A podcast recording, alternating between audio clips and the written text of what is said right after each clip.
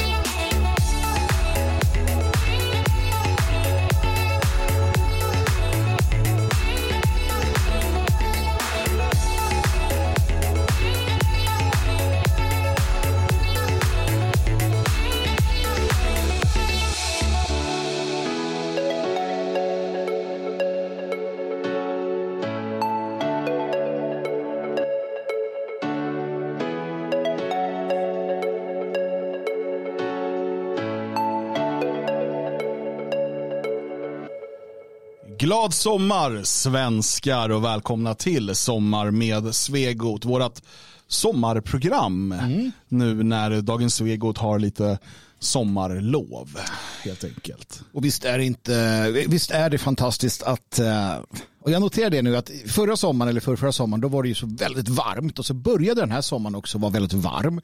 Och då var det kaos. Alltså jag läste det var så här bönderna de gick och grät iklädda säck och aska offrade sina fruar till allt som gick att offra till och så. Sen kom regnet.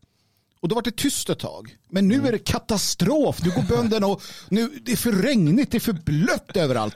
Vet ni en sak? Bönder är aldrig egentligen nöjda, vilket jag förstår, för att du får aldrig perfekt väder. Eh, och de gnäller inte så vansinnigt mycket. Massmedia däremot, de gnäller något jävligt eh, och hittar alltid någonting att vara, vara arga över. Eh, och det säger jag för att vi har haft typ regn i, ja jag vet inte hur länge. Tack så mycket Josef, han kom här med vatten till oss i studion. Det är fint, det är fint. Eh, för det är ganska varmt i studion. Ja men det var ju det. Det är några, står ångar här. Ja verkligen. Det är, beton, betongen kokar ju här inne. ja fan. det gör den. Alltså Pascalido ja. springer runt med vattensläckare eller så här brandsläckare och bara ah, det kokar betong. Schwulman han, vill ju, han har ju skrivit till Svenska Dagbladet att den här Lena Andersson ska få sparken. Ja. För att hon skrev någon eh, liten drapa om hur media ljuger om Ja just det, just det, just det. De blir alltid arga på Lena Andersson när hon skriver va? Nej, inte. Nej, Ibland så, så blir hon väl, eh, kör hon väl eh, lite för hårt men eh, Nej, men jag bara måste ha koll på vattnet här. Jag vet inte om jag kommer behöva två flaskor. Jaha, så det var ingen till du, Jalle? du, du har Jo, ställt dem han, fel. Men han, eh, han, fick, han tog min precis när vi gick i sändning. så ska han stå. Nej, så ska de inte stå. Och nej, två killar med OCD. Det vet inte hur det ska funka. Han!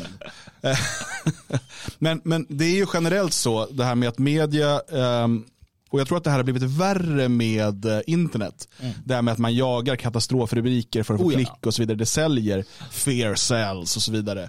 Ehm, och det gör ju att det blir så överdrivet hela tiden. Och allt är liksom, det ska hela tiden vara på liksom randen till Armageddon. Eh, för då säljer det som bäst. Och, pro- saken är att när man har gjort om man liksom följt nyhetsflödet i några decennier som, som vi har gjort, då eh, är det ju, eh, då, då börjar man liksom se de där mönstren. Eh, men om man antingen inte är en regelbunden konsument av nyheter eller om man är väldigt ung, så är man nog, kan man nog tro att det här är något exceptionellt och nu, det låter ju så.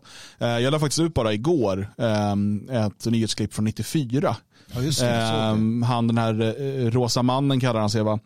Han, han lägger ut lite gamla videos eh, på, på YouTube och ibland så lägger han ut gamla nyhetssändningar och då brukar jag titta på dem för jag tycker det är rätt kul att se hur det var. Det här var från 94 då. Och då var det, det var någon sprängning i Stockholm, det var översvämningar, det var du vet, eh, katastrofväder, eh, det var en Estonia minnesstund, det var, du vet. Mm. Allt håller på att gå åt helvete. Det var exakt samma sak liksom. Och det är 30 år sedan snart. Men det, det, finns en eh, liten skillnad och det är ju att eh, redaktörerna på de lite mer seriösa tidningarna, de höll ju igen sånt eh, för, för en eh, 20-30 år sedan. Och man vill inte Men de ha har ju det. fallit till för, och samma sak egentligen med, eh, eh, med SVT och, och P1 och så vidare det är ju liksom att alla vet ju då att det här är ju bara sensationer som, som bara lockar känslor och vi vill vara seriösare än så. Men de har ju fallit till föga nu och Ja, men- eh, hamnat i det här träsket också. Men det man ser med den där, det där rosa, rosa panten där, rosa mannen, hans uh, klipp, det är att eh, det, det, är liksom, det är samma saker som händer. Det är väl bara att det blivit lite mer utav det. Eh, när det kommer till skjutningen och så vidare. Och det, det har ju att göra direkt med inflödet och det är så intressant att se det. Det har att göra med hur många nya som har kommit. Jag såg John Pohlman, jag vet inte om ni minns honom. Gör mm. Tv-meteorologen. Ja, det var någon som la upp någon bild. Jag menar, typ siffrorna var ungefär som nu. Men det var så här glada gubbar, solar och så här. Där stod han och sa så här är det va. Och det var 30 grader. Och, och nu, det är så här, typ, ja men djävulen tittar fram ur något så här rödsprängd, mörk karta och så åh det är 30 grader och det kokar i betongen. uh, förr i världen vart vi ju glada när det var varmt på sommaren. Jag vet inte vad som hände där. Ja. John Pohlman kom tillbaka. Är han död? Han borde vara. Han är jättegammal. Men bara för att man är jättegammal borde man väl inte vara död? Ja, men det är som Arne Liksom. Hegerfors. Är han död? Nej, Nej, jag tänkte väl det. men han borde vara. Jag ska kolla om John Pohlman är död. Gör det. Men Arne Hegerfors har väl blivit väldigt, väldigt sjuk däremot. Så Har han det? ja. Usch, vad Men så, så vi ska ta tillbaka Arne Hegerfors till Sportstudion och Jan Pohlman till eh, Meteorologistudion. Men vem- ska vi ta tillbaka på nyhetsfronten då? Vilken sann jävla lycka. John Pohlman lever och har hälsan. John Fan vad Pohlman glad lever. jag blir. Vad vet du om hälsan? Nej men han lever.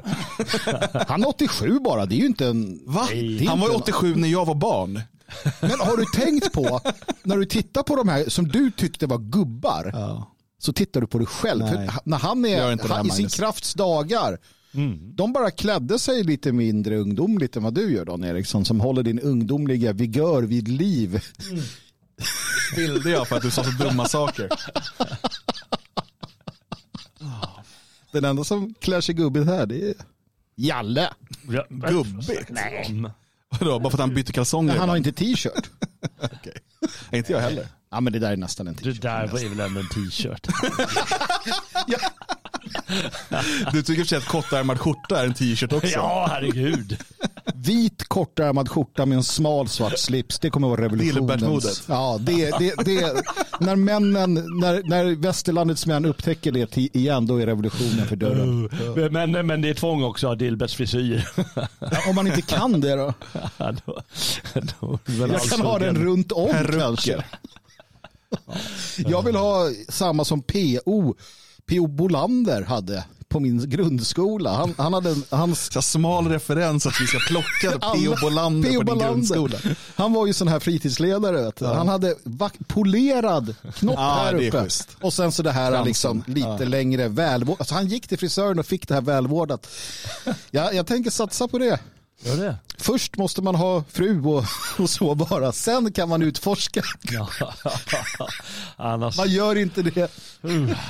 men undrar, det kanske finns kvinnor som tänder på sådana frisyrer. Det är klart det men finns. hur, hur blev det om, om det blev mode?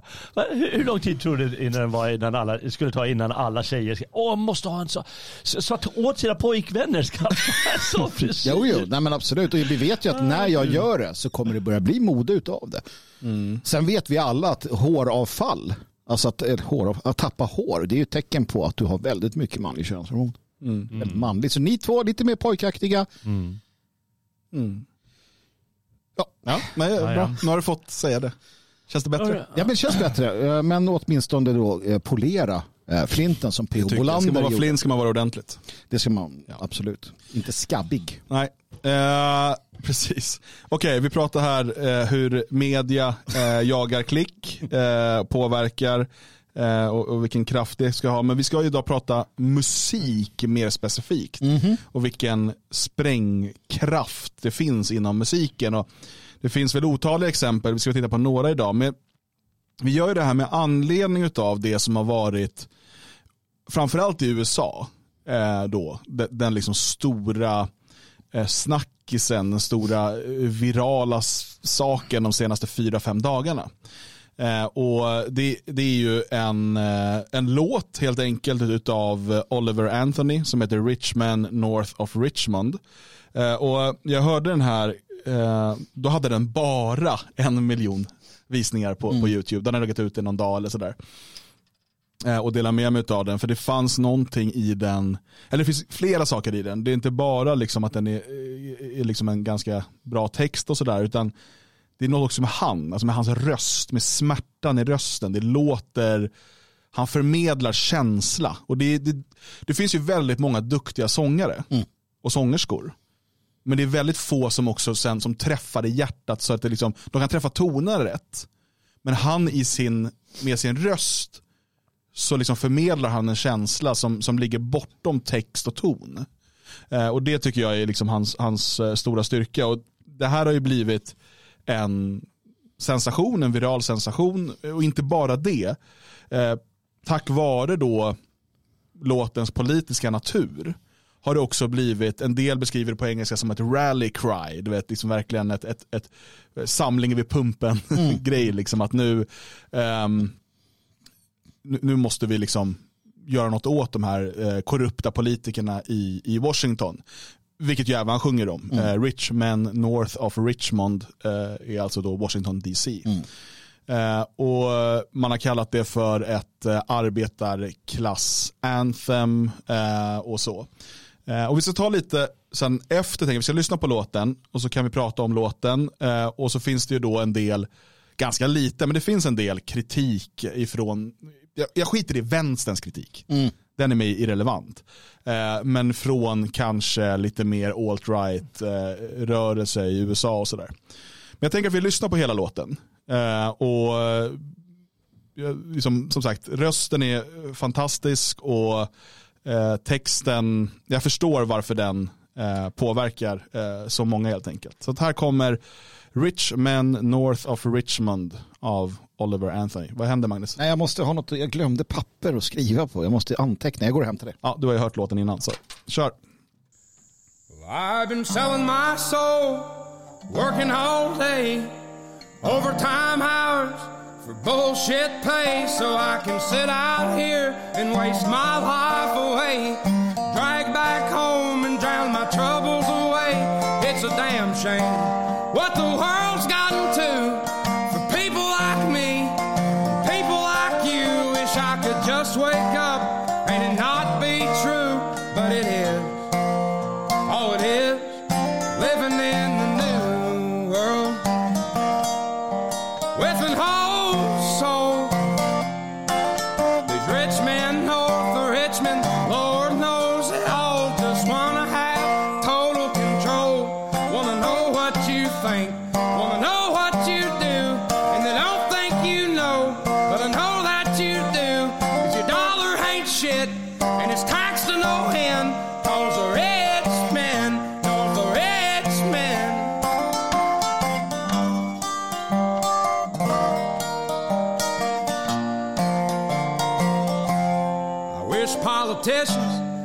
Look out for minors, and not just miners on an island somewhere. Lord, we got folks in the street,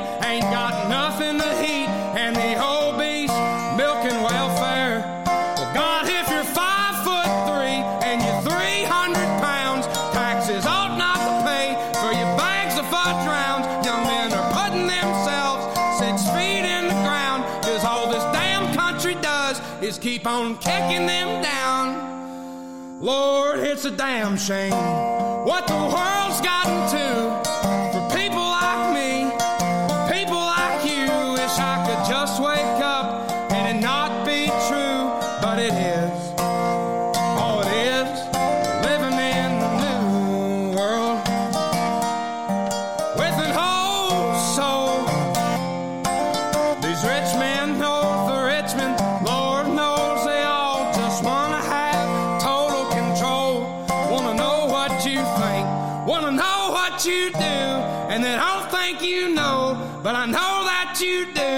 cause your dollar ain't shit, and it's taxed to no end, cause the rich men know the rich men.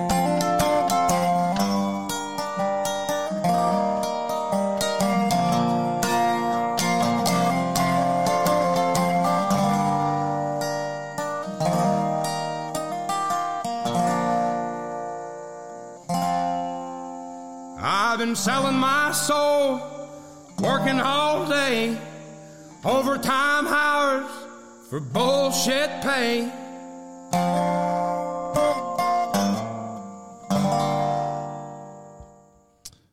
Så där. Eh, jag vet inte var vi ska börja någonstans. Jag tänker att så här. uh, det, det han gör i den här låten och varför jag tror att den talar till så många det är ju uh, situationen för man kan kalla det arbetarklass eller liksom anställda i USA, framförallt eh, liksom lågutbildade, eh, är ju på många håll katastrofal. Alltså där i det läget att de, man arbetar ehm, liksom två, tre jobb eller liksom 12, 14, 16 timmar om dagen och ändå knappt har råd med räkningar och mat. Speciellt nu med inflationen och sådär.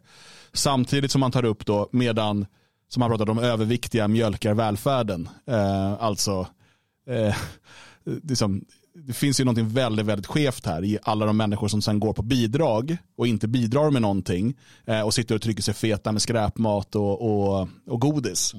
Eh, medan eh, hederligt arbetande folk knappt får saker att gå runt. Eh, och det enda nöjet de har när de kommer hem är att liksom dricka sig fulla. För att eh, glömma bort sina besvär. Och det, det, är inte det, det kan inte vara det livet ska liksom gå ut på. Och det är väl lite det som är hans, hans poäng. Sen slår han ju här mot Epstein-besökarna.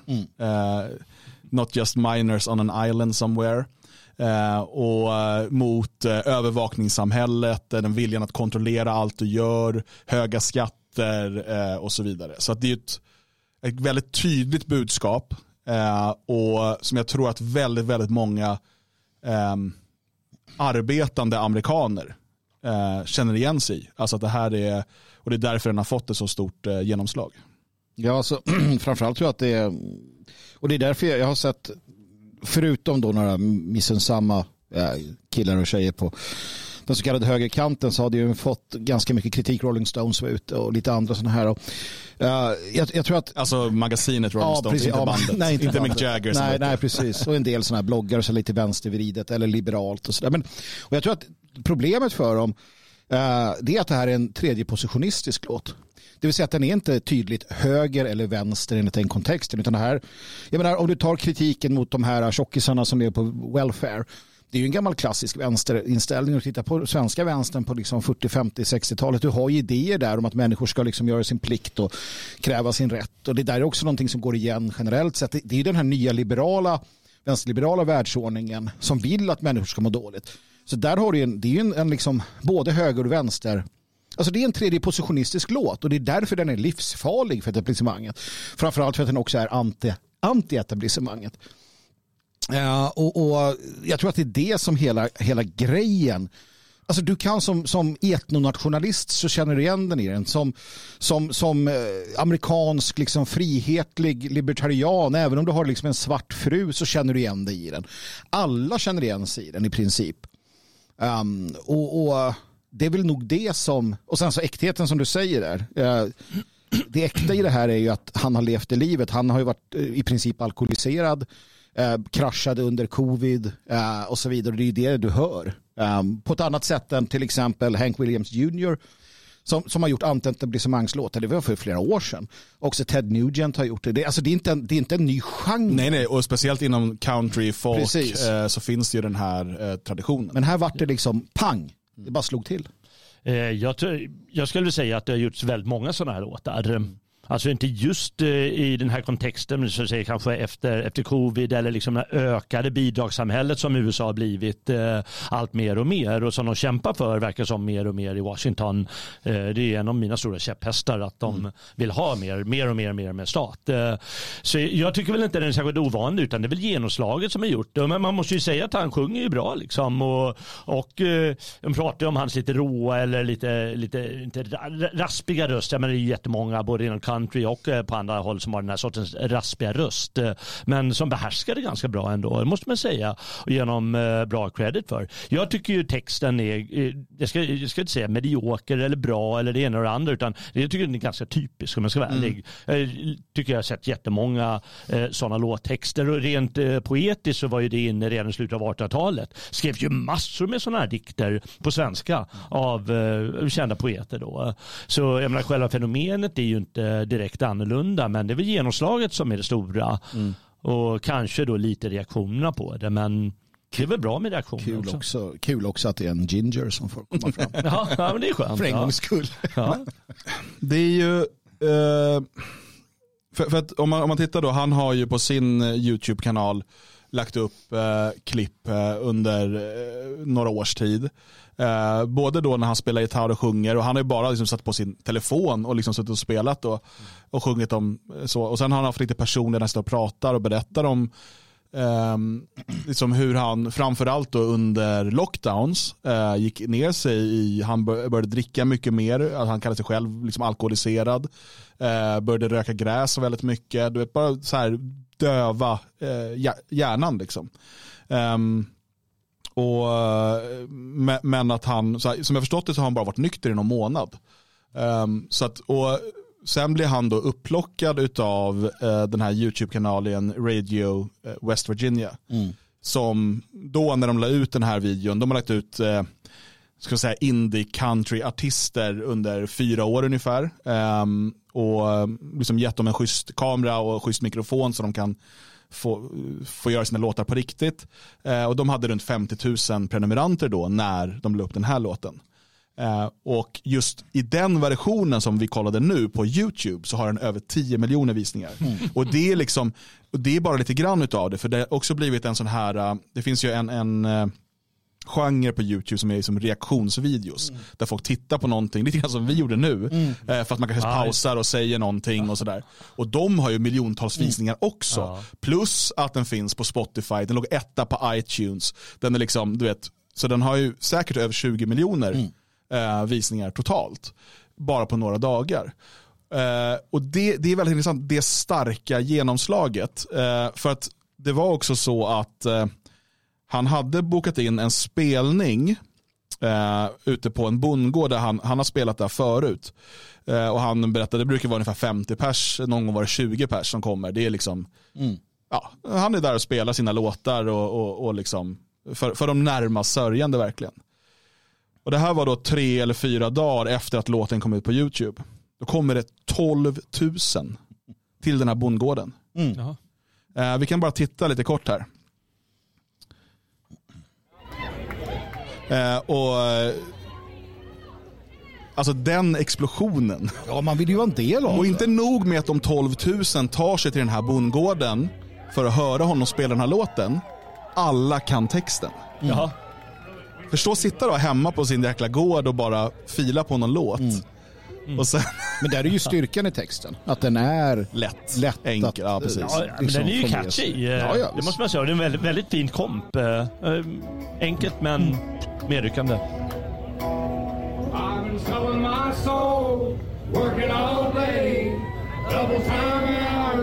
bullshit pay, so I can sit out here, waste my life away, drag back home and drown my troubles away. Bevisar ju också äh, att äh, musik är bäst när den är studioinspelad. Ja. Tycker jag personligen. Vadå, att den inte, inte sjunger lika bra där? Nej, men det blir ju det blir ju en annan sak live. Det blir Plus ju att, ja, ja, men det blir nervositet och allt möjligt. men sen, att, sen vill man ju vara en del av det. Jag, jag hade nog också åkt dit om jag hade liksom bott där. Det är ju schysst om det. För att man vill vara en del av, nu händer någonting. Det här är, det här är liksom som covid fast positivt. Det vill säga att jag är en del av någonting, någonting händer och det koncentreras kring den här personen och hans musik, hans låt. Det, här, det, det är ett fenomen nu, här. Det är ju samma med BLM-demonstrationer och sånt. De, många som åker dit har ju ingen jävla aning om vad de håller på med. Men de vill vara en del av något och nu är det här. Och det är ju jättebra, det är ju fantastiskt. Um, så att, det, det, det är ju därför vi också ska understödja detta. Alltså är det ett positivt budskap, är det en positiv människa, eller ett, ett människoöde, en, en rörelse som vi ser har med oss att göra, då ska vi ju stötta det. Vi ska på olika sätt och vis liksom se till att det eh, får utrymme såklart. Um, sen såg jag, och det här är lite intressant för att uh, National Review till exempel, uh, en sån här klassisk konservativ tidning i USA, ganska, uh, ganska stor och stark. De publicerade delvis en, en sågning av detta, men det kom ju också i, i samma andetag en, eh, en, en väldigt eh, upplyftande artikel kring detta. Där man då, eh, det är Alexander Hughes som till och med då jämför eller funderar och lägger då Oliver i samma, um, samma fack som um, Johnny Cash. Och det var något jag själv tänkte på när jag såg den här. Um, för att Johnny Cash var ju också en sån här, det är också en tredje positionistisk i grunden. Eh, liksom hans idéer, tankar, det, det handlar väldigt mycket om människan. Han var ju väldigt djupt troende också, precis som Oliver Anthony. Uh, och, och de här, alltså det är väldigt mänskligt som gör att alla kan hitta någonting i det. Och sen så är det i grunden också ett förlåtande budskap, det är en idé om liksom att, att kämpa på, att, att klara sig igenom det här. Och då säger han det att uh, uh, perhaps in that respect at least Oliver Anthony will be our new man in black. Och det tycker jag är lite trevligt att han gör den kopplingen här uh, också. Ja, nej, och eh, vi har ju, eh, den här låten har såklart diskuterats eh, flitigt eh, på nätet. Eh, framförallt har det varit liksom hyllningar och sådär, men det har också funnits en del även på då högerkanten som har varit då kritiska till det. Och så, en del har varit bara, men det är en dålig låt, jag tycker inte om den. Ja, men det är ju en smaksak. Det, det, alltså, då, här pratar vi om ett socialt fenomen. Det är det intressanta. Huruvida du gillar country eller folk, det är liksom ganska irrelevant i, i liksom den större kontexten. Oh ja. Ehm, så, att, så det ger jag inte mycket för. Ehm, sen eh, finns det ju en diskussion inom eh, vissa, jag, ska, jag vet inte om man ska kalla det för alt-right eller eh, mer, vad ska man säga, rasmedveten höger eller vad det nu ska kallas för i USA. White nationalism kanske fortfarande, jag vet inte vad, vad de kallar sig för nu för tiden.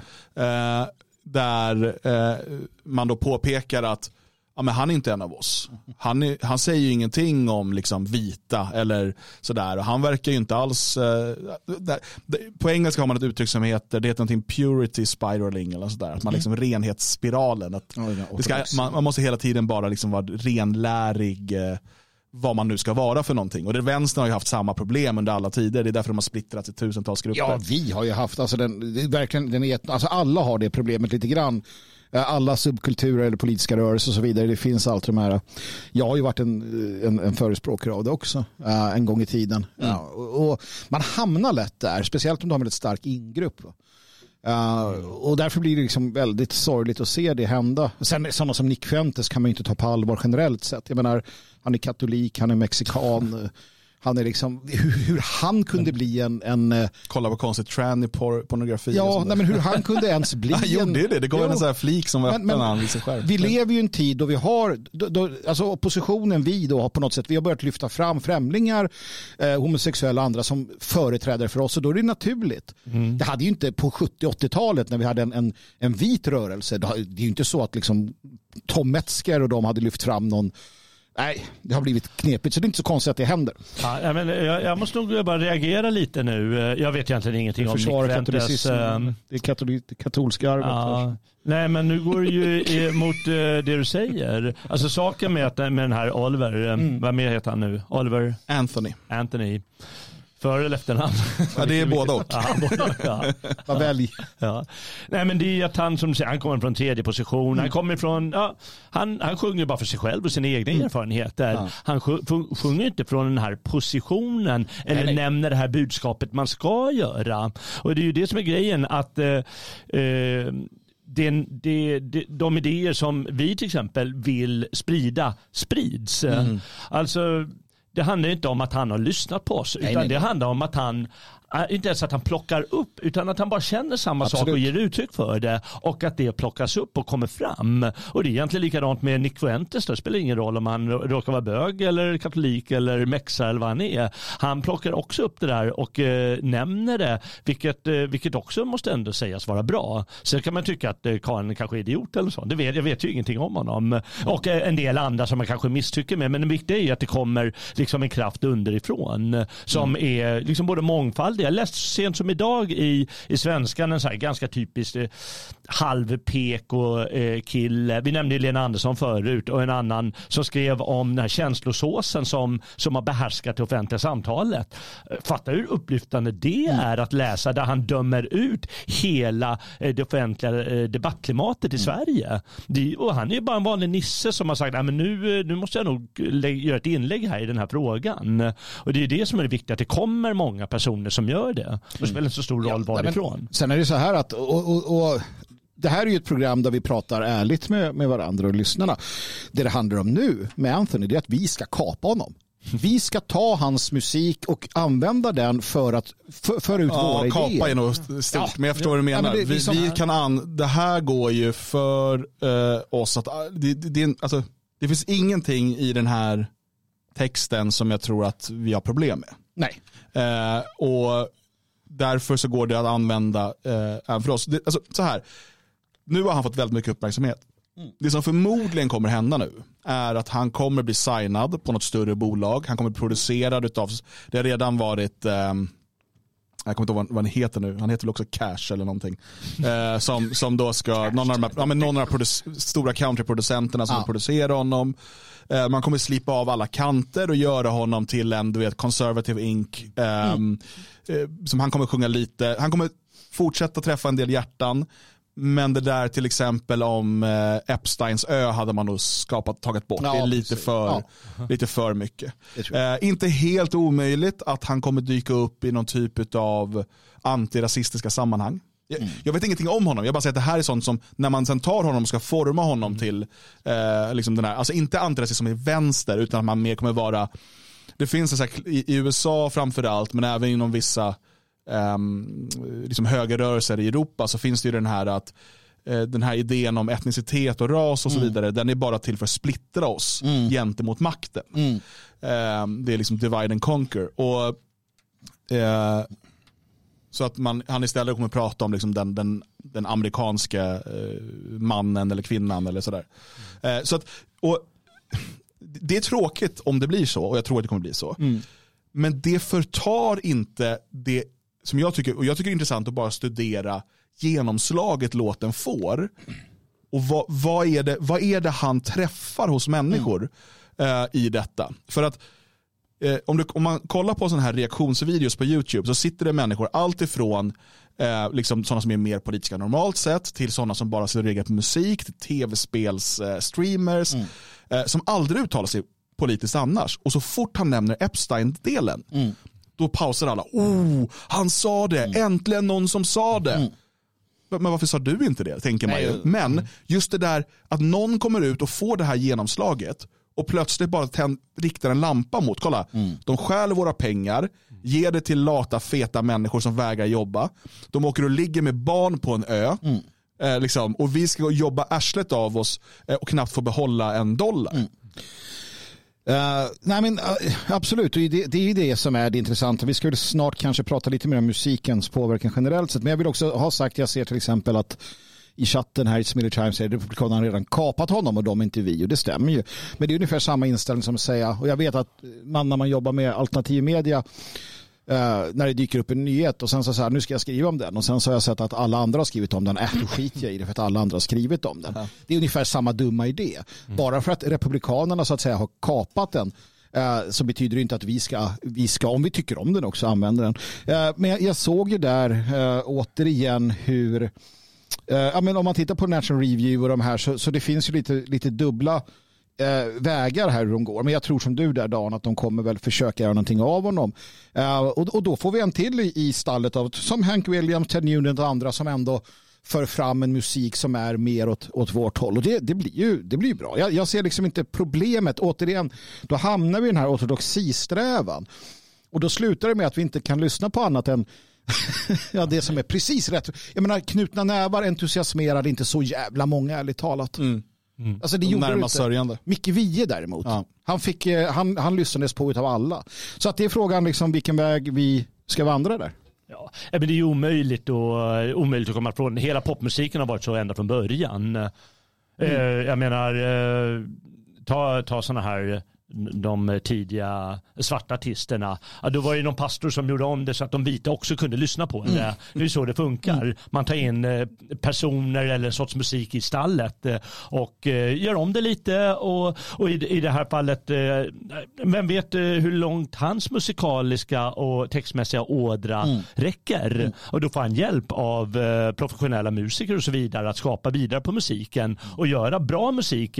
Annars kanske han bara gjort, ja, gjort den här låten och sen inget mer. Så det är bra för honom att mm. han syns. Och för det andra, jag, jag, tycker inte att han har kapats av Republikanerna på det sättet. Det är snarare så att eh, de, de har reagerat så i flera år nu att eh, det, de som kommer högt upp på YouTube, eh, och så mm. vidare, de tystas ner menar de här republikanerna eh, som brukar reagera och då vill de lyfta upp det för att visa hur falsk den här mm. marknaden, mediemarknaden är. Mm. Och det kan vi inte riktigt kalla och kapa dem. De säger att ja, men det här är jäkligt bra grejer. Det är inte så att de har låtit honom signa upp hos dem. Nej, sen, sen eh, som sagt han, han som är eh, typ högst önsad på National Review, han, han, han sa ju att det här var ju inte, inte mycket hänga i julgran. Uh, för att de tillhör ju också den här eliten. Uh, så att de känner sig lite hotade. Men jag menar, för att titta på det också, jag menar, ta, ta bara en sån sak som Pantera-sångaren. Eh, vad han nu heter, Aslem, Amslo, jag kommer inte ihåg vad han heter. Men som oh, i jämna ja. mellanrum kör någon så white power-tal på sina konserter.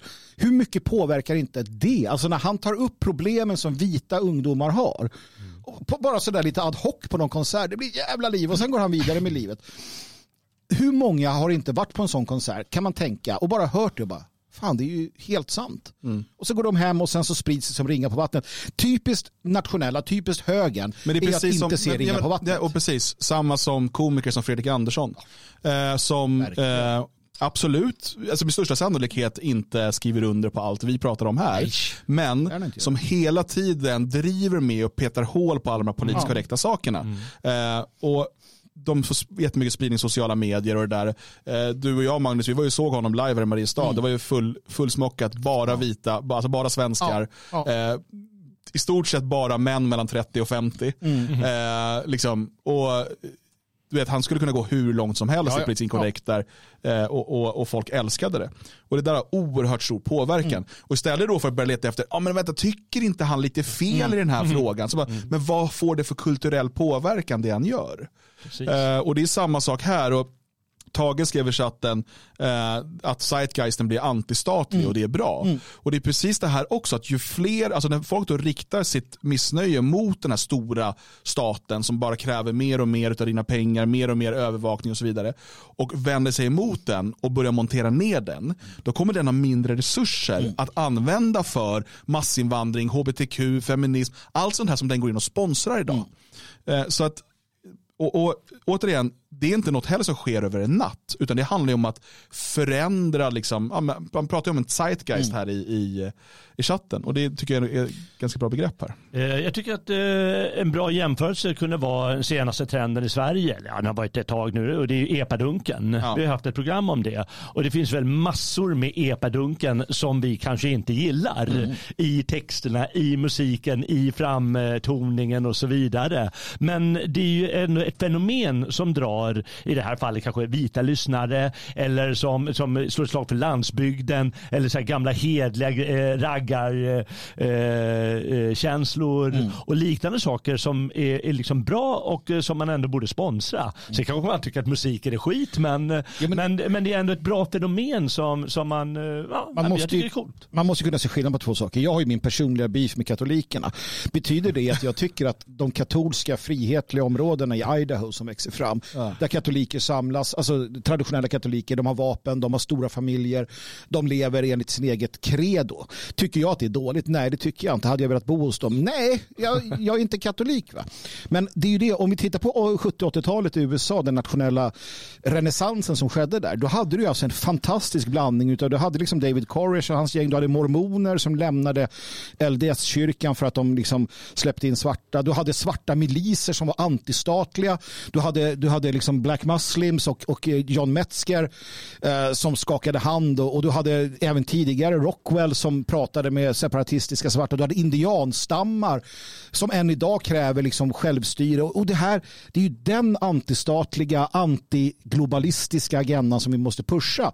Eh, och vi gör det utifrån vårt håll. Det betyder inte att vår sak ska företrädas av färgade, av homosexuella, av invandrare, av, av blattealibin. Men det betyder att vi kan skaka hand över både politiska, rasliga och andra eh, gränser för att ge oss på de här förbannade eliten och en gång för alltid hänvisa dem, kasta dem till helvetet. Ja. ja, men det är bra. Det är bra sagt. Och eh, det som återigen, vad som binder samman lite epadunken med, med den här eh, Anthony, eh, det är ju att båda kommer från landsbygden. Mm. Eh, och eh, det, det, är lite samma fenomen som sker. Att, alltså det är ju en gigantisk genre i USA, countrymusiken.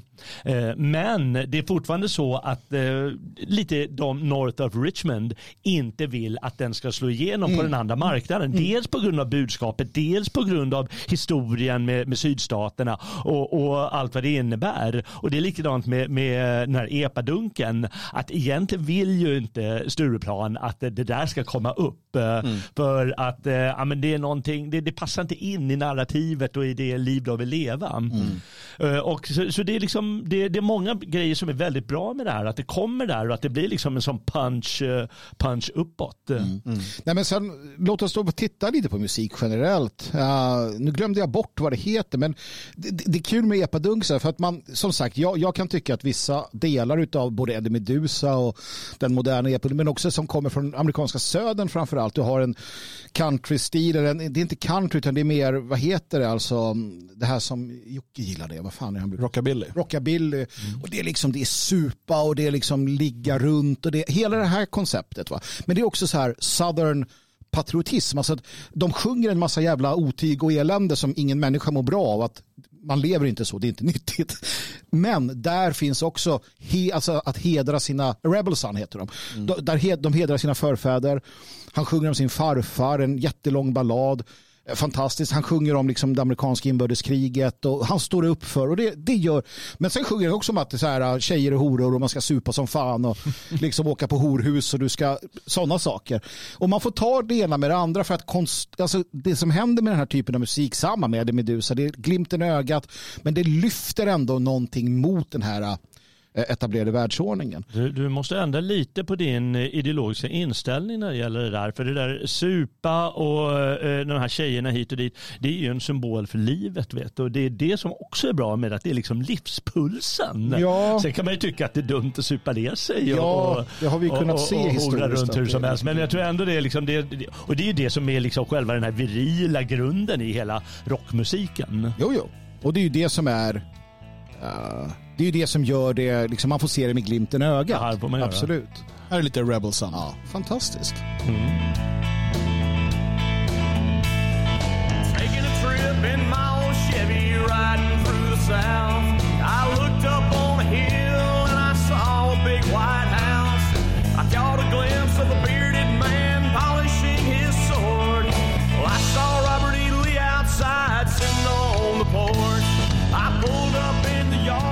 Sitting up drinking with Robert E. Lee. Mm, fantastisk. Ehm, precis. Och jag tänkte, för att musiken har ju den här eh, sprängkraften. Vi ska ta några exempel. Men jag tänkte på en annan eh, som nämndes här innan vi drog igång. Eh, För, att, för det som jag ser här med, med Oliver Anthony, eh, det är ju att det kan gå lite åt olika håll. Men det är åtminstone för en kort stund tänt en låga. Vad det blir sen, om det blir en hel eld eller om den bara slocknar, det är omöjligt att veta. Men det är intressant att se hur snabbt människor kan samlas kring ett ganska alltså ett ändå ganska tydligt politiskt budskap när det kommer i form av musik. Eh, Ett annat exempel eh, som, eh, som nämndes här innan kommer från Sydafrika. Eh, Och med eh, låten eh, Della Ray. Bergen die nacht, leeuws en donker en vacht. Die modder en bloed lê ek koud, streepsak en reën kleef teen my. En my huis en my plaas tot kolle verbrand sodat hulle ons kan vang. Maar daai vlamme en vuur brand nou diep, diep binne my. Delarai, delarai, sal jy die boere kom lei, delarai, delarai. Generaal, generaal, soos een man sal ons om jou val, generaal. Och Det här är liksom musik som då lyckas tala till ett helt folk eller en hel rörelse eh, på fler plan än bara liksom det rent musikaliska. Ja, och här får du ju då, alltså, i samband med att den här kommer, du har ju Liane May som sjunger om Pretoria, som också får en renässans. Du har eh, en annan som jag inte kommer ihåg vad han heter nu, men som är jättekänd där, som också då gör en, en sång till eh, Eugène Terre Blanche, AVBs ledare, i samband med att hans, han, hans död också. Här ser du då en, en sammanblandning av den här konservativa, eh, liksom vita, knappt konservativ i många fall, liksom nästan liberal vita popbranschen. Det här är alltså superstjärnor i, i Sydafrika. Som då sammanblandas och går på begravningen, inte han vi ser nu då, men um, uh, Hoff, Maj, Mik, jag kommer inte ihåg vad han heter, fan också. Eh, Men som går på Terre Blanches begravning och säger att jag betraktar honom som en vän och så vidare. Alltså den blandningen som sker. Eh, Hade man så här, ah, nej, men han gör ju också musik där man eh, liksom inte är ortodox. Eh, Det här vägrar vi ha att göra med. Hade man haft den inställningen då hade det aldrig fått ett genomslag. Um, utan genomslaget kommer ju när man accepterar att ja, eh, musiken och, och konstnärerna kanske är lite annorlunda mot de politiska renlevnadsmänniskorna och munkarna. Det är ju helt självklart, annars skulle de inte vara konstnärer. Nej, precis. Jag menar, om du ska vara konstnär då måste du ju släppa, det finns ju ingenting som är värre än politisk konst. Mm. Alltså en poli- eh, konst som utgår från politiken. Och det absolut häftigaste med eh, Delaray här, det, det är ju att eh, det är ju inte en käft här uppe som fattar vad han säger. Nej, nej, nej, Ändå sjunger de med Ja, ja. Och, och försöker forma lite, eh, lite holländska ord. eh, Mm. Om det, det är ju ändå holländska grunden eh, till stor del. Och det är väldigt häftigt, eh, måste man säga. Och skälet till att det slår igenom är egentligen är det är så enkelt. Musiken är bra Mm. och de sjunger bra. Det är ju så enkelt. Sjunger de dåligt, ja men då är det lätt. Men det är också, det finns ju någonting, och det här är det, man brukar ibland tala om the Mm. X-factor liksom hos en artist eller någonting. Eh, Och jag menar att både om du lyssnar på Della Ray och om du lyssnar på The Rich Man North of Richmond, eh, så finns det någonting som, som till och med med Della Ray, du behöver inte förstå texten för att höra att den betyder Mm. något. Det, och det där är omöjligt, det går inte att få en matematisk formel på det. Tro mig, många musiklåtskrivare har försökt. Utan det är någonting som bara händer och plötsligt så slår an en sträng. Ehm, och och, och det, där, det är ganska häftigt när, när det händer och vilken påverkan det kan få på ett, eh, på ett helt samhälle. Uh, jag menar, musik har ju varit för politiska rörelser oerhört viktigt. Eh, Det har ju varit eh, antingen då liksom marschlåtar man samlas kring eller låtar man sjunger på pubbarna i, i vi pratar, kan kolla lite på Irland till exempel. Ehm, och liksom, det är förmedlare av budskap och känsla eh, på ett sätt som du inte behöver vara Du behöver inte sätta dig in i en hel bok eller gå och lyssna på någon lång föreläsning. Utan du får tre minuter koncentrerad känsla och budskap och plötsligt så smäller det till och det funkar. Och det, det, det bygger gemenskap och identitet och det är det som gör musiken så Ja, kraftfull. men ta, ta, vi måste i samband ta det faktum att hela den liksom nationella rörelsen i Sverige var pro-IRA. Inte för att någon hade gjort en enda politisk analys kring läget på Nordirland utan för att de hade bäst musik. Fucking the road? For 800 years we fought you without fear. And we'll fight you for 800 more. Och de kom undan med att vara pro-kommunister, antirasister, pro-LGBT men ändå stod de mest hardcore nazisterna i Sverige utom jag och sjöng med och tyckte att det här var bra och ursäktade det och var vänner med dem och liksom allt det här och det var fantastiskt att se där har du kraften i musiken. Ja, ja, men det, det finns ju en kraft. Man måste ju fatta lite var den kommer ifrån. Jag ska säga att en annan eh, plats den kommer ifrån och det är ett skäl till att det, det kan vara bra att han kommer in i en studio, den här eh, Anthony, eller Oliver, eller vad vi ska kalla honom för. ja. OA. OA, ja just det. Nej, eh, det är ju att eh, om man tar till exempel Ultima Thules eh, låtar så är ju de välarrangerade. Alltså de, de, de når ut till publiken på grund av sina arrangemang väldigt mycket och eh, givetvis det, det är bra melodier och det är bra texter men sen också för att du ska nå ut ännu mer så, så krävs att det, liksom, det musikaliska arrangemanget är bra. Så, mm. trummorna ska, om du lyssnar på den här enkla grejen med Delarey när trummorna kommer igång och det är liksom ganska enkel. Det liksom slår ett slag, en, en sorts liksom beat som går rakt in i kroppen och med hans eh, basröst som är väldigt djup. Alltså, de, de faktorerna spelar mycket, mycket mer än man tror. Man brukar ju prata om popmusik att den ska ha de här, vad kallar man det, små catches. eh, Och eh, popmusik består bara att de ska ha ett par sådana nu för Anna tiden. Hooks, ja. Ja, och, eh, och det stämmer ju att det gör det, men, men det finns ju en skillnad när det blir liksom väl arrangerat och i grunden är välskrivet. Och då får otrolig genomslag. Och på så det är därför också de, de står nazisterna och lyssnar och sjunger till det här. Det är Men, liksom, men, men det är så här, eh, varför så många, det är inte bara i Sverige ska jag säga, eh, nationalister då plötsligt stöttade irländarnas sak, men inte baskernas till exempel. Mm. Eller katalanernas. Har du deras musik? Det, det, jag har inte ens hört, har de musik? Finns det? Det är skitdåligt säkert. De har inte lyckats marknadsföra sig Nej, likadant. det, det du säger är intressant just det här. För att en, någonting som hände i Sverige det är att Sverige, vi, allt, vi har alltid varit ledande i fan allt vi gör. Så när, det- Yes! när, när det kom till eh, frihetsrock, nationell musik, white, white noise och liknande, när svenska scenen tog när Nordlandgänget satte igång och började producera musik och media, så fick det, och och inspirerade delvis eh, Resistance i USA, då fick det en enorm spridning. Eh, Från att ha varit White Noise, Blood and Honor, England och det, det, det är produktioner, ja, men i Sverige så lyfts detta och det blir ett fenomen och det blir en jättesak som, som sprids över hela världen. Det är tack vare Sverige. Vi, vi gjorde definitivt de bästa tidningarna och de bästa produktionerna och sådär. Um, Nordland och Midgård och allt vad de, vad de hette. Ehm, för att det är det som måste hända. Alltså, om det ska slå mer, och det var ju då den här typen av vit maktmusik började liksom höras överallt. Inte bara Thule, utan liksom Pluton Svea och Storm och det, är- det är svastikafanor. Och liksom det, blir en, det blir en enorm ungdomskultur på ett sätt som skinheadrörelsen aldrig lyckades bli. Den var stor i sig.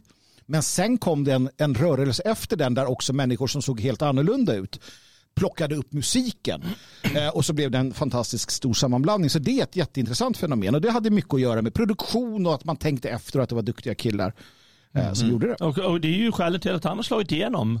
Det är inte han själv som har lagt ut det här på YouTube och hoppas på det bästa. Nej, alltså, eh, Anthony tänker du? Ja, nej, utan han har ju kört på på sin YouTube-kanal med bara sin mobiltelefon, dålig produktion. Och han har haft några tusen liksom, sådär, tittare, men det, det är inte så att han har slagit på det här sättet. Utan det är då när Radio West Virginia lägger ut det på sin ganska lilla kanal. Men du får, de har ju då gjort det till en bra produktion. Ehm, och eh, liksom tänkt igenom, men här står han, han har sin hund med sig och han står i, i skogen i, liksom, i stort sett i arbetskläderna. Liksom. Man, man får känslan, när man ska få känslan antar jag, han har precis kommit från fabriken. Han har liksom, eller från gården där han har stått och liksom jobbat stenhårt. Och så bara plockar han upp sin gitarr och kör och liksom berättar vad han känner. Men försvann inte allt äkta här nu, Dan Eriksson? Det är äkta när, när penninghungrade studior kommer och så här handtar vi. Jag har läst det, jag har läst det på Twitter. eh, Många, eh, några, några. Ja, nej, det där är ju... Vad är äkta? De, de, de två, den sämsta av två världar möts där. Eh, alltså där det finns dels då den här, vi pratar om den här renhetsspiralen då, att man liksom inte på något sätt ska göra saker bra. då är det något fel. Eh, och eh, jag kommer ihåg det fanns en konspirationsteori om oss en gång. Så här, hur kan de ha råd med så bra mikrofoner? Ja, just det. Ja, så just dyra är de ju inte, det kostar 2 500 ett styck Ja. eller någonting. Ja. Hur, alltså, du vet, så där bra ljud, det kan man inte få om de inte har en sto- stor finansiär i bakgrunden. Det är säkert George Soros. Ja, ja, jo, ja det är sant. Det fanns faktiskt en sån. Eh, det, det fanns en sån konspirationsteori. Ehm, han har betalat dåligt Soros hittills. Nej, och sen finns det ju inom musiken finns det ju också eh, en typ där men man ska inte bli någon sell-out så man ska inte liksom skriva på för skivbolag eller gå med på att sälja merchandise för att få in pengar eller, eller vad det nu än Man ska är. inte höras alltså. Nej, helst inte. Du ska spela för dig själv. Liksom. Och, ehm, jag, jag, jag har ju jobbat eh, i musikbranschen och, och eh, hållit på och åkt runt på klubbar och tittat på band som spelar och sådär. Och, eh, och liksom byggt relationer med ganska många musiker på den tiden. Och eh, då är det så här, "Men fan, jag vet inte om jag ger ut en skiva, liksom, är det äkta då fortfarande? Så man, Men du, vill, du sitter ju och skriver låtar. Vill du inte att folk ska höra dem då? Ska du sitta liksom i hörnet på Broder Tuck på Södermalm och klinka resten av livet? Om du vill det, absolut. Men det finns ju inget moraliskt fel i att vi också spelar in det med, i, i en schysst studio. Och sen liksom se till att ännu fler kan nås av din vackra röst. Liksom. Ja, det är enda sättet också att trigga dig och göra vidare och bli ännu bättre. Det är ju så. Och inom konsten har det alltid funnits, alltså ända från första, eh, från gryning har funnits att eh, ja, den här idén, naturen är ju givetvis läromästaren, den är ju bättre. Det, det, det går ju inte att trumfa. Men konsten kan antingen likna naturen eller med konstmedel rent av verka som natur. Det är ju fantastiskt vad de kan eh, åstadkomma konstnärer och det är vad, man, vad som händer i studion. Du, du, du skapar någonting som, som liknar ett naturligt sound på något vänster. Det här Får- får finns ju... bara säga en sak också? För att, eh, jag tror att det finns, för att många förstår att liksom, kultur i dess olika former, musik då, som ett av det, eh, och konst är ju oerhört kraftfullt och någonting som behövs för en vital eh, rörelse eller revolution eller vad du nu än vill. Eh, och Det finns även då nationalister som insett det här. Vi har till exempel i, ehm, det är väl ett amerikanskt initiativ, det här White Art Collective. Ett gäng väldigt duktiga människor, både musiker och, och konstnärer av olika slag och sådär. Problemet med det, det är ju att, som vi var inne på, det blir politiskt. På, på näsan politiskt. White Art Collective och vi ska liksom göra vi ska göra musik för att berätta om politik. Då blir det knutna nävar. Och, och det, är liksom, det har ju sin lilla, lilla plats, men det är inte det som kommer tala till, till, liksom, till miljoner hjärtan. Nej, ni är bara se på proggen i Sverige som förbjuder ABBA. Jag menar, det, man kan ju tycka vad man vill om ABBA, men man kommer inte ifrån att, eh, att de är duktiga sångare, duktiga musiker och otroligt bra låtskrivare. Och så vill man förbjuda det bara för att det är politiskt, det är kommersiellt. Men det- Men då är man ju idiot ju. Det finns ju alltid, och det är ju svårt, alltså det finns ju inte alltid en gränsdragning. Alltså, så här, när går det från att vara, om vi ska kalla det för äkta då, till att bli liksom sönderkommersialiserat? Vi kan väl vara överens om att Red Bull Leipzig är sönderkommersialiserat. Eh, men någonstans måste du också ha pengar. Du måste också få in sponsorer. Du måste kunna utveckla din musik eller ditt lag eller din konst. Så att det finns ju en gräns när det går från att vara ja, men, mer eller mindre okej till att bli helt icke okej, i alla fall för de flesta människorna. Jo men det är också det när det blir, som du säger då, om vi säger att eh, Oliver Anthony skulle bli nya Taylor Swift eh, och liksom bli helt, han har inga kanter kvar, eh, liksom en, en ren studioprodukt. Liksom Ja. sådär. Då skulle han inte ha den slagkraften han har nu. Absolut, han skulle säkert ha massa fans och sådär. Men han skulle inte ha den politiska sprängkraften som han, som han faktiskt har. Just nu sitter ju han, eh, han är ju nästan vid ett vägskäl. Eh, han hade ju nu, alltså, jag tänker inte lägga det på hans axlar liksom, men han hade ju kunnat välja att säga nej, jag kommer skita i den där kommersiella vägen helt. Eh, och jag kommer fortsätta, för nu kan jag, jag menar nu har han så många ögon på sig, så om han säger, här är min Patreon, hjälp mig så jag kan vara oberoende, jag kommer fortsätta leverera sanningar. Eh, jag vill inte tillhöra något stort bolag. Då har han kunnat bli eh, folkhjälte eller liksom en, st- en legend på ett sätt i, USA eh, för, för eh, väldigt många människor. Eller så kan han gå liksom, och, och bli en kommersiell artist och det kanske är det han vill, jag har ingen aning. Eh, men, men han står just nu inför det vägskälet och du kan ju räkna med att det är många som rycker i honom nu. Eh, och Ja, liksom ja, vill visst. komma åt honom och, och, och göra honom till X eller Y eller Z. Vi såg ju det, där har vi ju bara, för att ta från min egen historia, så fanns det ju ett band som hette Screwdriver med eh, Ian Stewart Donaldson. Han hamnade just där. Eh, frågan var, skulle han göra som andra och hoppa på det kommersiella tåget? Det fanns väldigt starka, starka bolag i, eh, i England som ville ha, han var ju, det var ju oj och punk och lite sådär. Eh, och somliga som Coxbearer och andra gick ju den vägen och är ju fortfarande, de har ju kunnat leva gott på sin skinhead-musik. Ian Stewart, han sa nej. Eh, utan han ville, för att saken var att de sa du, får inte, du ska inte hålla på med politik. Du får inte skriva om den här nationella liksom, rörelsen du tycker så mycket om. Utan skriv liksom anti-etablissemang och sådär. Och han hade säkert gjort en bra karriär. Men han valde politiken. Och är ju en, en hjälte för många. Han, liksom, han är ju ett, ett fenomen. Men i en ganska begränsad skara. Är det också så att musiker kan ändå välja ganska mycket? Det är ju inte så att antingen blir du studieprodukt eller så blir du eh, full indie. Om vi tar Taylor Swift så är jag ganska övertygad om att hon, hon gillar precis det hon gör. Jag undrar om hon skriver Ja, musiken själv och, Motorhead. och, och, och texten. Jag menar, de, ja, precis. Och Motorhead. Jag menar, de, de gör det de vill. Ja. Eh, inte alla, men säkert ganska många. Även om det ser ut som en ren studieprodukt så men de gillar det. Och eh, hon är ju duktig musiker och Mm. Motorhead-killarna var väl duktiga musiker och så vidare. Så det finns nog ganska mycket möjligheter. Ja, men det finns vissa gränser du inte passerar. Vissa saker får du inte. Nej, det är Liksom, Epstein. så Epstein Ja. till exempel kan Nej, vara en sån eller liknande. Det, det tror jag att det finns liksom generellt sett. Det är ju också vilka äger skivbolagen alltså, och så vidare. Man är, man är väl, alltså, lite grann, det är som vanligt, va? de vill ha in pengar. Motorhead tror jag är ett ganska bra exempel. Man tillät honom att ha sina han var ju bland annat kompis med Ian Stewart och, och sa, tog aldrig avstånd. Han var samlare på nazistmemorabilia, han söp och knarka och sket i vilket. Eh, men han drog också in en jävla massa pengar. Ja.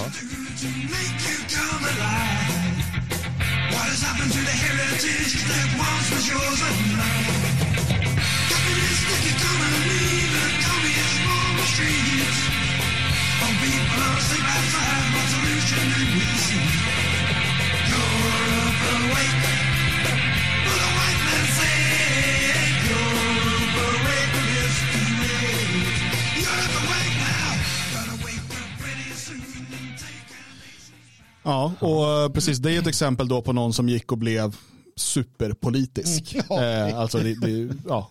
och, och på ett sätt formerade en hel rörelse Absolut. ehm, som, som hade ett stort genomslag framförallt på 80 och 90-talet. Eh, och eh, mycket av den, eh, vad ska man säga, den, den nationella rörelsen i eh, både Europa och USA, alltså hela den vita världen, är ju en typ av efterföljare på det. Sen finns det andra linjer också, Ja, ja. tillbaka till gamla partier och tänkare och sådär.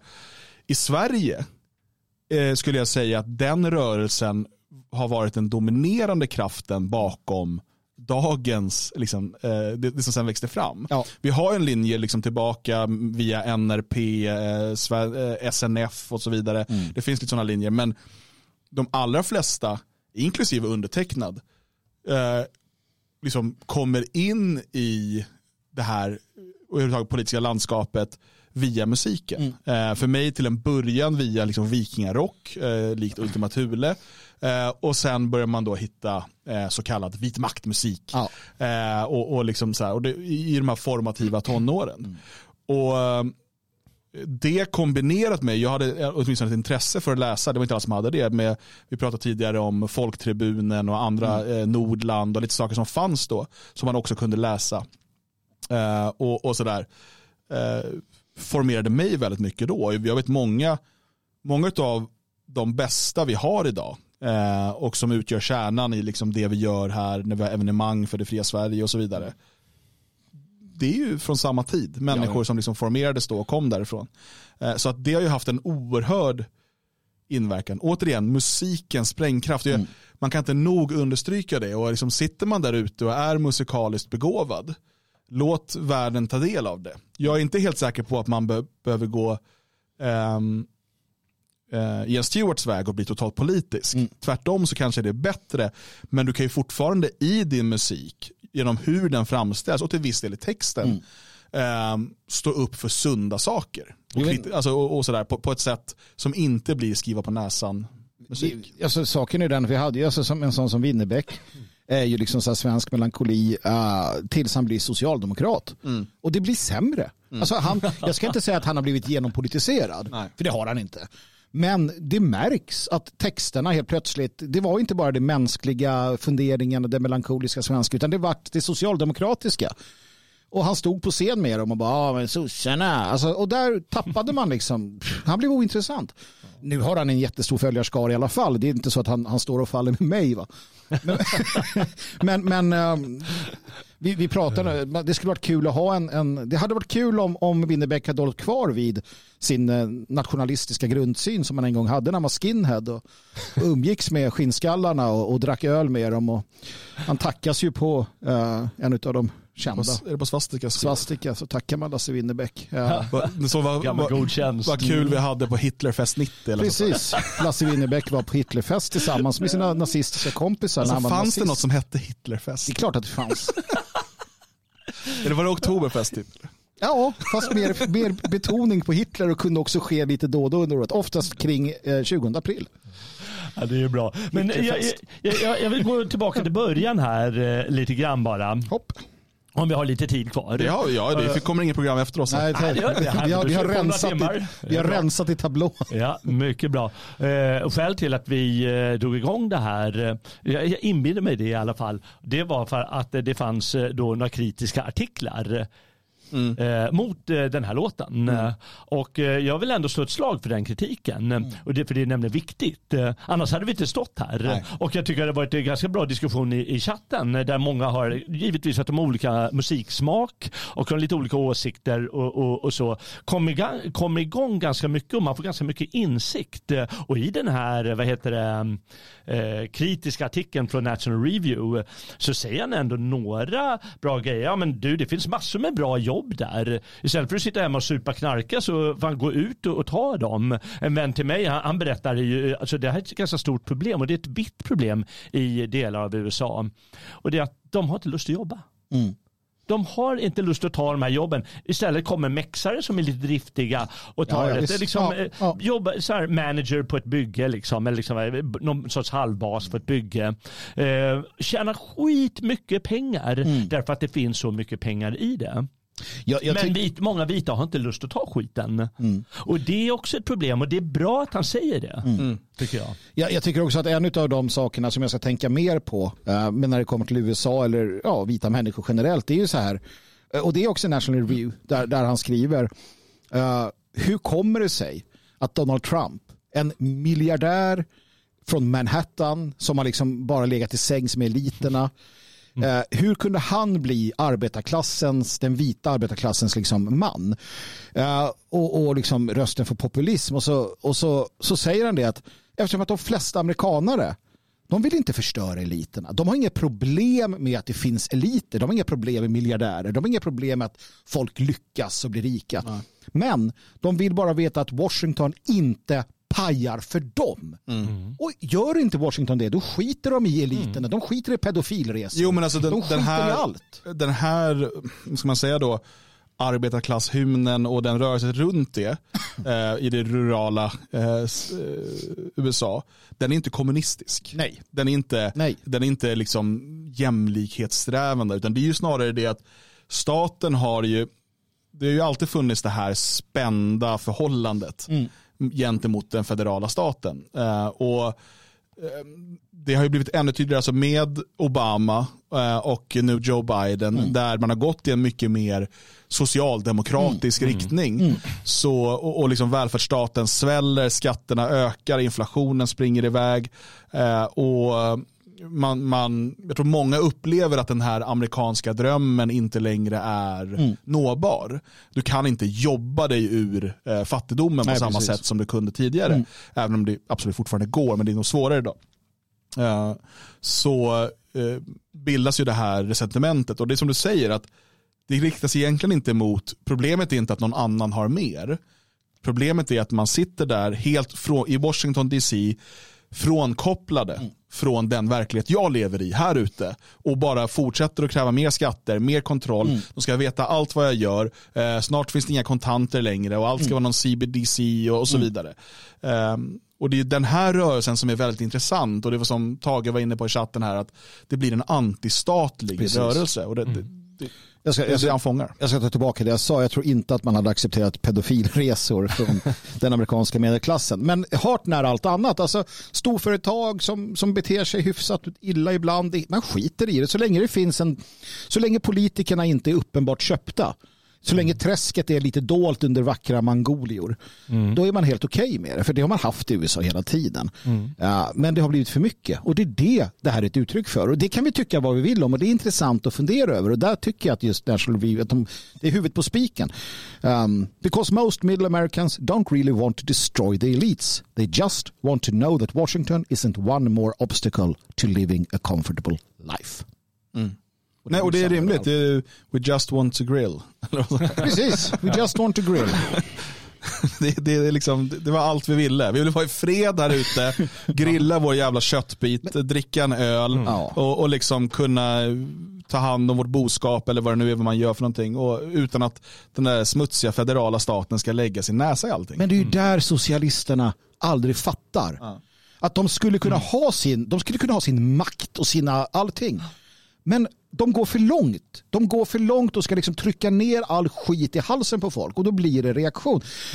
Eh, Och då faller de till sist också. Det blir våld och blod och elände. Och det är det alla de här jävla brudarna på redaktionerna som har gått någon jävla program och lär sig lite om någon jävla socialistisk skit får för sig att då ska de börja berätta för oss. Och om inte du, du är en dum vit man om du inte och så vidare.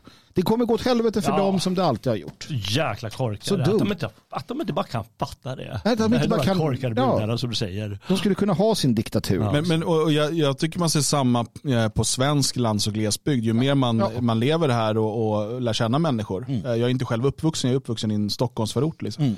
Eh, Men att man vill bara bli lämnad i fred. Ja. Och man tycker bara att de bara lägger sig, var, Varför ska jag behöva hålla på med massa jäkla byråkrati för att jag vill bygga en liten stuga på min Mm. Ja, egen ja, tomt som ja, jag äger. precis. Låt mig vara i fred. Och varför ska jag behöva betala så här mycket skatt? Och varför liksom det- varför ska allt vara så jäkla komplicerat? Varför kan inte jag få liksom sälja mitt, eh, min hembryggda öl härifrån eh, från min egen tomt? Varför ska det gå via staten för? Bara sån här, och, och det är inte de ska man säga, som en andra då de stora frågorna, människor som håller på med ideologisk kamp. Det är inte det det handlar om. Utan jag vill bli lämnad i fred, jag kan ta hand om mig själv, liksom, låt mig vara. Tage frågar, har svenska arbetarklassen en mer socialistisk toning? Ja, under en period tror jag att man hade det. Men absolut inte traditionellt historiskt sett. Absolut inte. Den är snarare extremt konservativ. Frihetlig. Alltså, alltså, om du tittar, arbetarklassen är ganska nytt i Sverige. Vi hade en bondeklass, vi hade snarare det och den var extremt konservativ, frihetlig. Alltså egentligen frihetligt och fascistisk, kungafascism. Alltså den, den var rolig på det sättet. Det här som, som kom sen, det är något helt annat och det håller på att försvinna nu. Eh, den här socialistiska, nej vi är inte sossar i Sverige. De, de tidiga ska säga, arbe eller inom arbetarklassen och även en del av sossarna, de har ju alltid velat ha, liksom, men det ska vara rättvisa också. Och det har ju alltid varit bondens lott gentemot Ja, kungamakten eh, och staten. Att eh, ja, men, ja, vi kan gå med på skatter, men det måste ju vara rättvist. Eh, Och om det inte är det, då, då stormar vi. Eh, Och det, det är där det är. Och det, jag menar, det, det är väl klart att eh, när, när, om man läser de här gamla dikterna från eh, slutet av 1800-talet, då, ser, då det står ungefär samma sak som han skriver, den här Oliver Anthony i, sin, eh, i sin text där. Att ja, men vi tvingas ner sex eh, eh, feet under, under jorden och gör ett jävla skitjobb eh, medan det där händer där. Precis samma sak, alltså, vi blir smutsiga, vi eh, får jobba för mycket, vi, blir, vi, vi dör tidigt och vi vill bli fattiga och allt är dåligt. Eh, Och då kräver man rättvisa. Det är när man drar den här som du säger rättvisa idén för långt. Ja men du är ju inte rättvis Nej, mot eh, afrikanerna Magnus. Ja. Eh, Och så ska de hålla på med allting. Då, menar, det är det som arbetarklassen har tappat. Det är då de måste göra uppror igen mot Det- staten. Precis, och det är också den totala centraliseringen av allt. Om du, om du tittar på hur de tidiga eh, till exempel arbetslöshetskassorna växer fram, väldigt lokalt, Ja, ja. till och med på en arbetsplats kunde det vara. Ja, men vi alla lägger eh, x kronor i månaden i den här burken, så om någon av oss blir med jobbet så kan man ta därifrån. Man är liksom hjälp, det är en gemensam försäkring. Eh, samma, alltså allting samma sak med försäkringskassorna, alltså vid sjukdom och så vidare. De var väldigt lokala och regionala till en början. Med socialdemokratin under 1900-talet ska allt det här centraliseras och styras ifrån staten. Eh, och plötsligt så är det som idag att du kan inte välja, du kan välja några olika a-kassor, men de är ju samma sak i liksom, visst. grunden i Ja. stort sett. Eh, och regleras på samma sätt. Eh, så att, och, och- och allting blir väldigt, väldigt starkt styrt ovanifrån. Ehm, och det är då tanken på någon typ av rättvisa. Men de flesta, så om man går till en arbetsplats, man har inga problem att lägga undan några kronor i månaden för att mina kollegor, om han blir sjuk, så ska liksom inte han behöva svälta, utan då ska vi se till att han, ja, då, då gör vi det här tillsammans. Men när du går eh, och, och sliter på eh, fabriken nere i, någonstans i Skaraborg och sen sitter det liksom, inte nog med liksom arbetsovilliga människor i Gävle, utan kanske araber som kommer in och bor i en Stockholmsförort. Och du ska gå liksom, ge hälften av det du jobbar in för att de ska kunna eh, gå och liksom, käka hummus.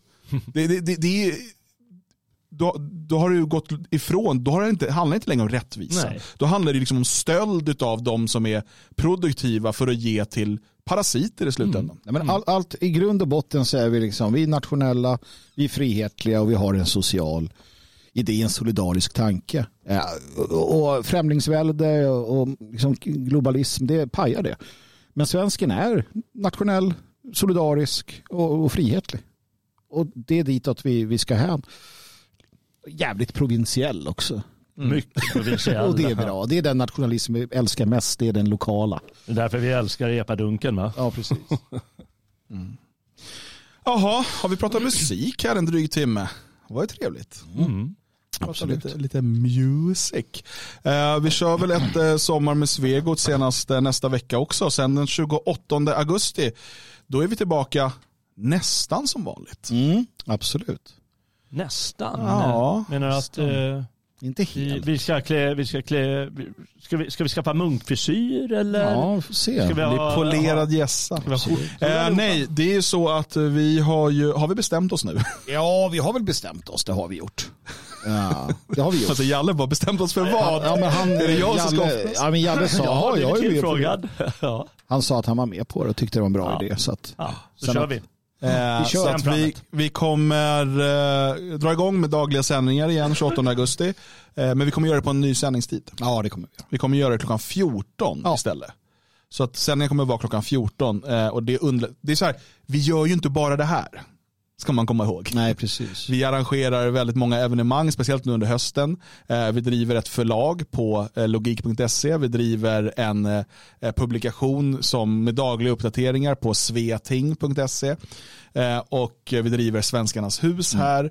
Eh, Det, finns massor av saker att göra, tro mig. Och för att enklare kunna liksom dela upp dagen i lite olika uppgifter och passa bättre in i allt övrigt så kommer de dagliga sändningarna från och med när vi drar igång 28 augusti igen vara klockan 14. Och de kommer också att simultantolkas på serbokratiska. Det ser vi fram emot. Det gör vi, absolut. Eh, Och eh, så eh, hörs vi snart igen. Ja, det gör vi. Fortsätt njuta av den här regniga härliga sommaren nu.